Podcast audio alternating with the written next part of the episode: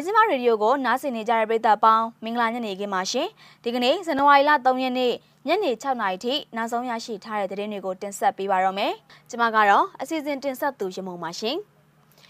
နိုင်ငံတော်တိုင်ပင်ခံပုဂ္ဂိုလ်ကိုဆွဲဆိုထားတဲ့အမှု၃ခုကိုအပိသက်စီရင်ချက်ချဖို့အတွက်ချင်းဆိုလိုက်ပါပြီရန်ကုန်မြို့နယ်၄ခုမှာတော့စစ်ကောင်စီတပ်သားတွေတိုက်ခိုက်ခံခဲ့ရပြီးတော့9ဦးသေဆုံးခဲ့တာပါ။ ဒီဇင်ဘာလ31ရက်နေ့ဒီမော့ဆိုတိုက်ပွဲအတွင်းမှာကြာဆုံးသွားခဲ့တဲ့ KNDF ရဲဘော်ဟင်နရီရဲ့ဇာပနာအခမ်းအနားကိုဒီကနေ့မှပြုလုပ်ခဲ့တဲ့သတင်းတွေအပါအဝင် မုံရမြို့နယ်ထဲမှာမိုင်းတဲတာပိုင်းတွေဖျက်ဆီးခံခဲ့ရတဲ့သတင်းကိုတင်ဆက်ပေးတော့မှာပါ။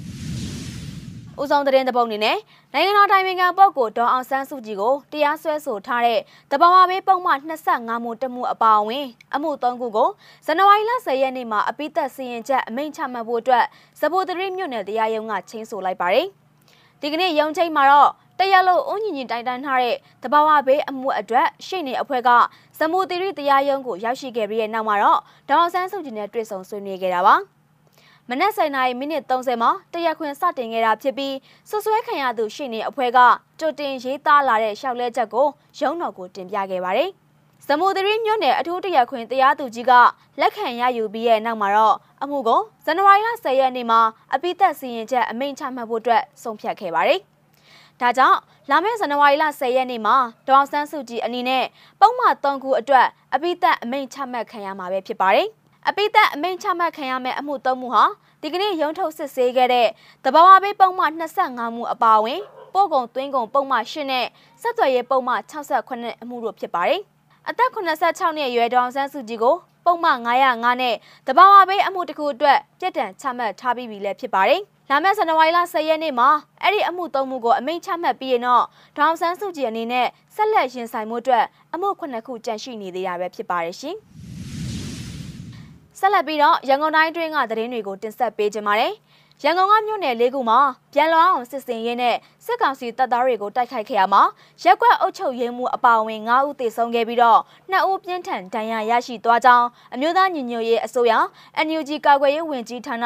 ရန်ကုန်တိုင်းစစ်ဒေသကုတ်ကဲရေးအဖွဲ့ကဒီကနေ့ဇန်နဝါရီလ3ရက်နေ့မှာသတင်းထုတ်ပြန်လိုက်ပါတယ်။ရွှေပြည်သာမြို့နယ်တင်ငန်းကျွန်းမြို့နယ်လှိုင်မြို့နယ်နဲ့လမ်းမတော်မြို့နယ်တွေမှာရှိတဲ့စစ်ကောင်စီတပ်တွေကို ပြည်သူ့ကာကွယ်ရေးတပ် PDF တွေကတိုက်ခိုက်ခဲ့တာဖြစ်ပါတယ်။ရွှေပြည်သာမြို့နယ်ဆက်ရှိရပ်ကွက်မှာရှိတဲ့စစ်ကောင်စီတပ်သားတွေတပ်ဆွဲထားတဲ့ရပ်ကွက်အုပ်ချုပ်ရေးမှူးရုံးကိုဇန်နဝါရီလ2ရက်နေ့ည9:00နာရီခွဲခန့်မှာတနက်တွေလက်လုံဘုံတွေနဲ့ဝင်ရောက်စီးနင်းတိုက်ခိုက်ခဲ့ရမှာရက်ကွက်အုပ်ချုပ်ရေးမှူးအပါအဝင်၄ဦးသေဆုံးခဲ့တာဖြစ်ပြီးတော့စစ်သား2ဦးပြင်းထန်ဒဏ်ရာရရှိသွားခဲ့တာပါ။လှိုင်မြို့နယ်ရွာမကွေ့ကိုရောက်ရှိလာတဲ့ အကြမ်းဖက်စစ်ကောင်စီရဲ့လှည့်ကင်းကားကိုဇန်နဝါရီလ2ရက်နေ့မနက်2နာရီမိနစ်30ခန့်မှာပြည်သူ့ကာကွယ်ရေးတပ်ဖွဲ့ဝင်တွေကမိုင်းခွဲတိုက်ခိုက်ခဲ့ရမှာအကြမ်းဖက်စစ်ကောင်စီရဲ့ကားတစ်စီးထိခိုက်ပျက်စီးခဲ့တယ်လို့သိရပါတယ်။အဲဒီနေ့မနက်9နာရီအချိန်မှာလဲတင်ငန်းကျွန်းမြို့နယ်လျှက်စစ်ဝင်းတွင်းမှာရှိတဲ့အကြမ်းဖက်စစ်ကောင်စီတပ်ဖွဲ့ဝင်တွေတပ်ဆွဲထားတဲ့အဆောင်ကို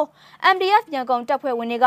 မိုင်းခွဲတိုက်ခိုက်ခဲ့ရမှာစစ်သားတအုပ်တေဆုံးခဲ့တာဖြစ်ပြီးတော့တချို့ကတော့ဒဏ်ရာရရှိခဲ့တာပါ။ဒါအပြင် လမ်းမတော်မြို့နယ်မော်တင်ယာယီဈေးကွက်ရွာသက်ချောင်းလမ်းပေါ်မှာရှိတဲ့လိုင်စင်ရုံးနေနေရာယူထားတဲ့စစ်ကောင်စီတပ်သားတွေကိုတော့2021ခုနှစ်ဒီဇင်ဘာလ30ရက်နေ့ည9:00နာရီမိနစ်30ခန့်မှာ Black Eagle Ranger ကအဝေးထိန်မိုက်နဲ့ဖောက်ခွဲတိုက်ခိုက်ခဲ့ပါတယ်။ ရန်ကုန်တိုင်းစစ်ဒေသခွဲကုတ်ကဲရေးအဖွဲ့ဟာပြည်သူလူထုကိုနှီးမျိုးစုံနဲ့ဖမ်းဆီးနှိပ်စက်တပ်ဖြတ်မှုတွေကိုကျူးလွန်လျက်ရှိတဲ့အကြမ်းဖက်စစ်ကောင်စီတပ်တွေကိုစစ်ရေးအရအရေးယူတုံ့ပြန်တိုက်ခိုက်နိုင်ရေးအတွက်ဗျံလောင်းအောင်စစ်စေးရေးအမည်နဲ့စစ်စင်ရေးလှုပ်ရှားမှုတွေကိုအရှိန်ဟုန်မြင့်ကလှုပ်ဆောင်နေခြင်းပဲဖြစ်ပါတယ်။ ဒီဇင်ဘာလ31ရက်နေ့ဒီမော့ဆိုတိုက်ပွဲအတွင်းမှာကြာဆုံးသွားခဲ့တဲ့ KNDF ရဲဘော်ဟင်နရီရဲ့ဇာပနာအခမ်းအနားကိုဒီကနေ့မှကျင်းပပြုလုပ်ခဲ့ပါတယ်။ကရင်ပြည်နယ်ဒီမော့ဆိုမြို့နယ်အတွင်းကဒီဇင်ဘာလ31ရက်နေ့တိုက်ပွဲမှာထိခိုက်ဒဏ်ရာရရှိခဲ့ပြီးတော့စေကုသနေတော့ဇန်နဝါရီလ2ရက်နေ့မနက်ပိုင်းမှာကြာဆုံးသွားခဲ့တဲ့ကရင်ပြည်အမျိုးသားများကာကွယ်ရေးတပ်ဖွဲ့ KNDF ရဲဘော်ဟင်နရီရဲ့ဇာပနာအခမ်းအနားကိုဒီကနေ့မှပြုလုပ်ခဲ့တာဖြစ်ပြီးတော့ KNDF တပ်ဖွဲ့ဝင်တွေလိုက်ပါပို့ဆောင်ခဲ့ကြပါတယ်။ရဲဘော်ဟင်နရီဟာစစ်အာဏာရှင်စန့်ကျင်ရေးငြိမ်းချမ်းရေးနဲ့ Federal Democracy ရရှိရေးဆန္ဒပြပွဲတွေမှာတက်ကြွစွာပါဝင်ခဲ့တဲ့ចောင်းသားတဦးလည်းဖြစ်ကြောင်းသိရှိရတာပါ။ဒီဇင်ဘာလ31ရက်နေ့ကနေစတင်ပြီးတော့ ဒီကနေ့ဇန်နဝါရီလ3ရက်နေ့အထိဒီမော့ဆိုမြို့နယ်ငွေတောင်ဆယ်အနီးမှာအကြမ်းဖက်စစ်ကောင်စီတပ်နဲ့ကရင်ပြည်ပူးပေါင်းတပ်ဖွဲ့တွေကြားမှာတိုက်ပွဲတွေရက်ဆက်ဖြစ်ပွားနေတာဖြစ်ပြီးတော့မနေ့ကတိုက်ပွဲမှာလည်းလွိုင်ကော် PDF တပ်ဖွဲ့ဝင်တအုပ်နဲ့ကရင်နီတပ်မတော်တပ်ဖွဲ့ဝင်တအုပ်ထပ်မံကြာဆုံးခဲ့ပါတယ်။အကြမ်းဖက်စစ်ကောင်စီကမတရားအာဏာသိမ်းချိန်ကနေစတင်ပြီးတော့ကရင်နီပြည်နယ်အတွင်းမှာတိုက်ပွဲပေါင်းအကြိမ်ရင်130ကျော်ဖြစ်ပွားခဲ့တာဖြစ်ပြီးတော့ကရင်နီပူးပေါင်းတပ်ဖွဲ့ဘက်က44ဦးကြာဆုံးကစစ်ကောင်စီတပ်ဘက်ကတော့ စစ်သား900ကျော်တေဆုံးခဲ့ကြောင်းတိုးတက်သောကရင်နီပြည်သူအင်အားစု PKPF စရင်အရသိရှိရပါတယ်။နောက်ဆုံးသတင်းတစ်ပုဒ်အနေနဲ့မုံရမြို့နယ်ထဲမှာမိုင်းတဲတာဝါတိုင်းဖျက်ဆီးခံခဲ့ရတဲ့သတင်းကိုတင်ဆက်ပေးခြင်းပါတယ်။စကိုင်းတိုင်းမုံရမြို့နယ်ထနောင်းတော်ပေါက်ပင်တော်ပုနဲ့ကြာပိုင်ရွာရီအကြားမှာရှိတဲ့မိုင်းတဲတာဝါတိုင်းကိုဖြိုလဲပြီးတော့စက်ပစ္စည်းတွေကိုဖျက်ဆီးခဲ့ကြောင်းမုံရွာလိုက်တင် PDF နဲ့မဟာမိတ်တပ်ဖွဲ့တွေကဒီကနေ့ဇန်နဝါရီလ3ရက်နေ့မှာသတင်းထုတ်ပြန်လိုက်ပါတယ်။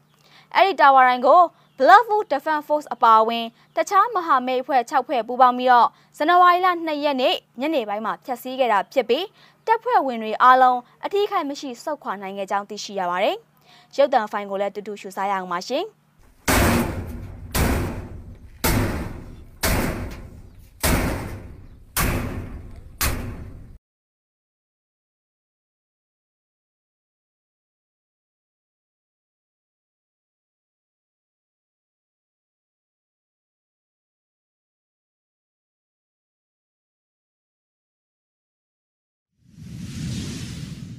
ဇန်နဝါရီလ3ရက်နေ့ညနေ6နာရီထိနောက်ဆုံးရရှိထားတဲ့သတင်းတွေကိုရေစီမရေဒီယိုကနေထုတ်လွှင့်တင်ဆက်ပေးခဲ့တာပါ။နားဆင်ပေးခဲ့တဲ့အတွက်ကျေးဇူးတင်ပါတယ်ရှင်။